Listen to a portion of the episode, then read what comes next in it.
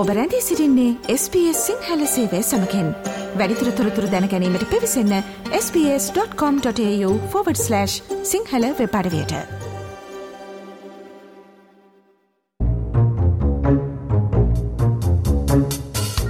දන්නවද හඳේ තියෙන අඳුරු කලාප මොනවද කියලා? ඔබ කියාවි ඒවා ආවාට කියලා.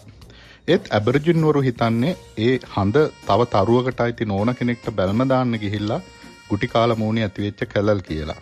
ඉතින් ওই සිද්ධිය ඇතිවෙච්ච හරිය තියෙන විශාල රෝස ජලාශය දිහාවට තමයි අද ඔස්ට්‍රේලියන් රූරල් බියුටි චාරිකාවෙන් ඕගොල්ලෝ මාත් එක්ක යන්නේ.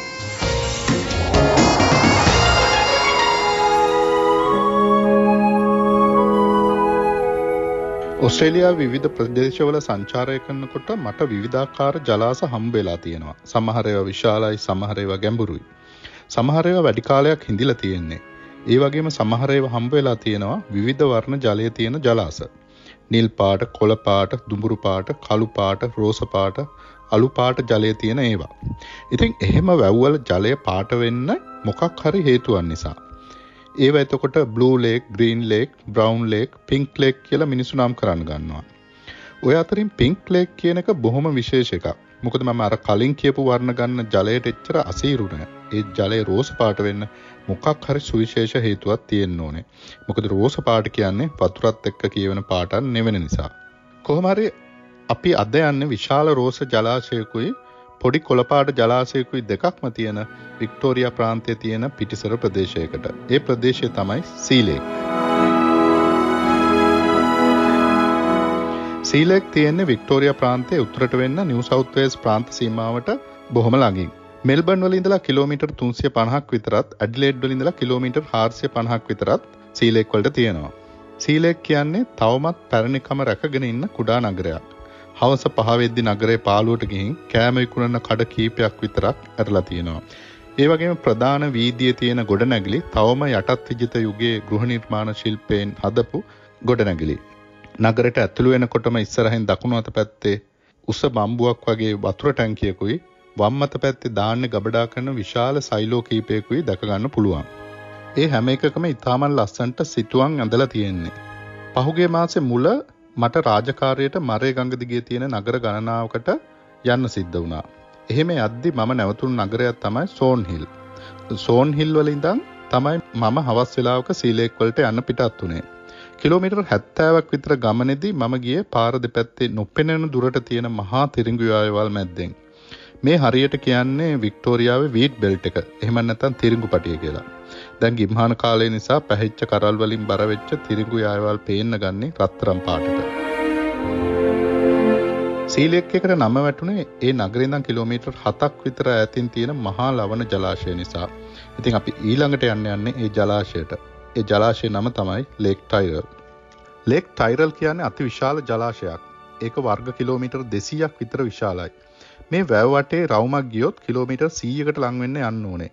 ඉතින් මේ වැවේ සුන්දරත්වය විදිමින් අවශ්‍ය කෙනෙකුට එහෙම යන්න පස් පාරක් වැව වටේ තියෙනවා.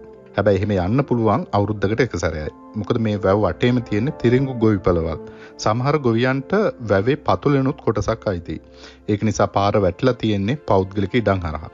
ඒත් අවුරුද්දකට සැරයක් මේ වැව වටේ යන මාලි රැලි වාහන පෙළපාලියේදී මුළු පාරම විවෘත වෙනවා. ඔබ එහෙම යනවනම් ඒක හරිම අපුරු අත්දැකීමක් වේවි. ඒකට මාලි රැලි කියලා කියන්නේ මේ ප්‍රදේශය හඳුන්වන්නේ මාලි ප්‍රදේශය කියලා නිසා.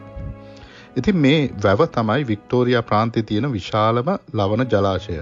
ඇත්තටම ඒ වැවේ නැරඹුම් ස්ථානයේ ඉඳන් වැවට යන්න හදලා තියෙන ජැටිය දිගේ යද්දි පේනවා වැවේ ඉවුරු දිගේ ලුණු ගොඩ ගැහිලා තියෙන හැටි.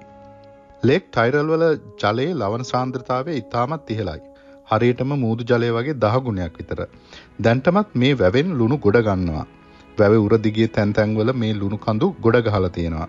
මං හිතන හැටියට බොහෝ දුරට මේවා කන ලුණු නෙවෙයි. වෙන රසායනික සංයෝගය නිසාරණය කරන්න ගන්න ලවණ. වැවගාවට ගිහාම මුළු වැවම පේන්න ගන්නේ තද රෝස පාටට.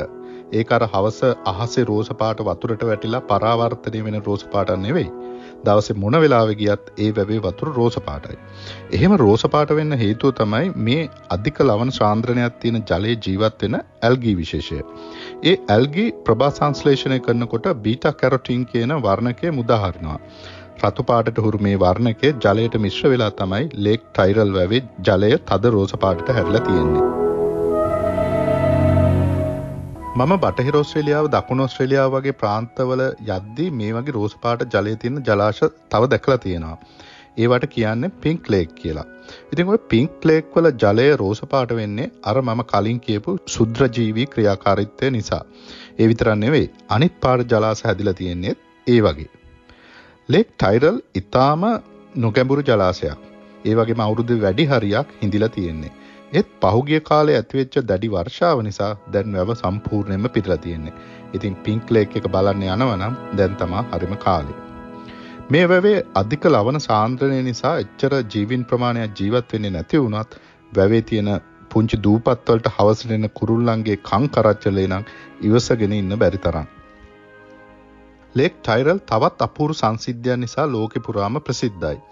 ඒක හැඳින්වෙන්නේ ස්කයි මිරර් කියලා. හොඳට වැවේ වතුර තියෙන කාලෙට ලවන ජලය අහසේ ප්‍රතිබිම්බය හැදිලා වැවයි අහසේ සිතිජ සීමාව නැති වෙලා යනවා. ඉතින් ඒ වෙලාවට වැව දර්පණයක් විදිහට ක්‍රියා කරන්නේ. එතන ඉන්න කෙනෙක්ට දැනෙන්නේ තමන් අහස ඇතුලේ ඉන්නවා කියලා.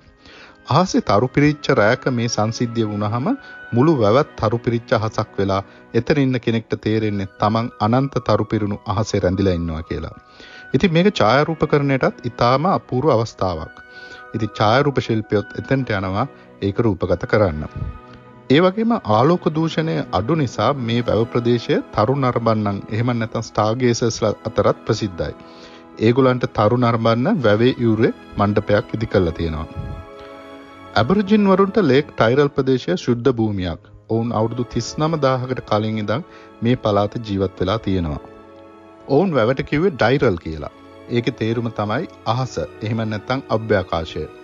නවීන තාරකා විද්‍යාව ඇතිවෙන්න අවුරුදු දසදහස් ගණනකට කලින් ඉඳන් ඇබරිජින්වරු තරු සහ තාරකා රාශි අඳුරගෙන ඒව නම් කරලා තියෙනවා. ලේක් ටයිරල් ප්‍රදේශය ඒ පැත්තේ ජීවත් වෙච්ච බූරෝන් කියන ඇබ්‍රිජින් ගෝත්‍රයට ඉතාමත් ආත්මීය වශයෙන් බද්ධ වෙච්ච ප්‍රදේශයක්. ඔවුන් විවිධ තරු ඔවුන්ගේ භාෂාවෙන් නම් කළා. තරු යා කල්ලා හැදෙන තාරකා රාශිවල ඔවුන්ට සමීප රූප දැක්කා. ඒ විතරක් නෙවෙයි. ඒ තරු ඔවුන්ගේ පුරාවෘත්තවල ඇතුළත් වුණා. දෙදස් දාහතේදී මහබල්ලා තාරකා රාශියේ තියෙන තරුවක් ඇබරිජින් වරුන් භාවිතා කරපු උරුංගමයිට් කියන නමින් දැන් නිල වශයෙන් භාවිතා වෙනවා. ඉතිං ඔය උරුංගමයිට් තමයි හඳේ මූුණේ කැලල් ඇති කරේ. මහබල්ලා තාරකාරාශයේ තියෙන උරුංගමයිට් තරුව දෙපැත්තේ ලොකු ලස්සන තරු දෙකක් තියෙනවා. එක තරුවක් රාත්‍රී අහසේ හඳට ළඟින් තියෙන්නේ. ඉතිං ඇබරිජන් පුරාවෘත්තයට අනුව ඒ තමයි උරුංගමයිට් කියන ආත්මයට හිටිය රූමත් බිරින්දෑවරු දෙන්න.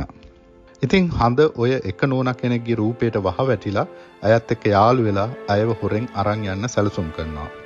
ඕකාරංචි වෙච්ච උරුංගමයිට් කෝපාවිෂ්ට වෙලා හඳත් එක්ක සටන් කරනවා.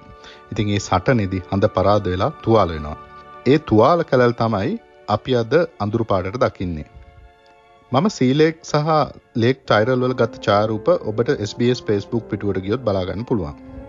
අර මං මුලින් කිව්වනේ සීලෙක් වල තව ග්‍රීන් ලේක් එකක් තියෙනවා කියලා. ඒක සීලෙක් වලින් ඉඳන් කිලෝමීටර් 10ක් විතර ඈතින් තියෙන්නේ. හරිම ලස්සන සුදු වැලි ඉවුරු තියෙන වැවක් හැබැයි ලේක් ටයිරල් තරම් විශාල නෑ. එහෙමනම් මම මේ මාසේ ඔස්ට්‍රේලියන් රූරල් බියුටි චාරිකාවට සමු දෙනවා. ලබන මාසෙත් අන්තිම සිකුරාදා ඔස්ට්‍රේලියාව පිටිසරට යන තවත් චාරිකාවකින් හමුවෙමු.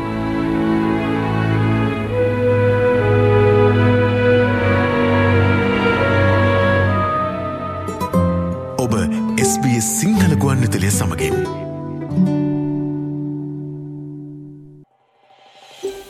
මේ වගේ තවත්තොරතුරු දැනගන්න කැමතිද. එහමනම් Apple podcast Google podcast Spotify ඔබගේ පොඩ්කාස්ට ලබාගන්න ඕනෑම මාතයකින් අපට සවන්දය හැකේ.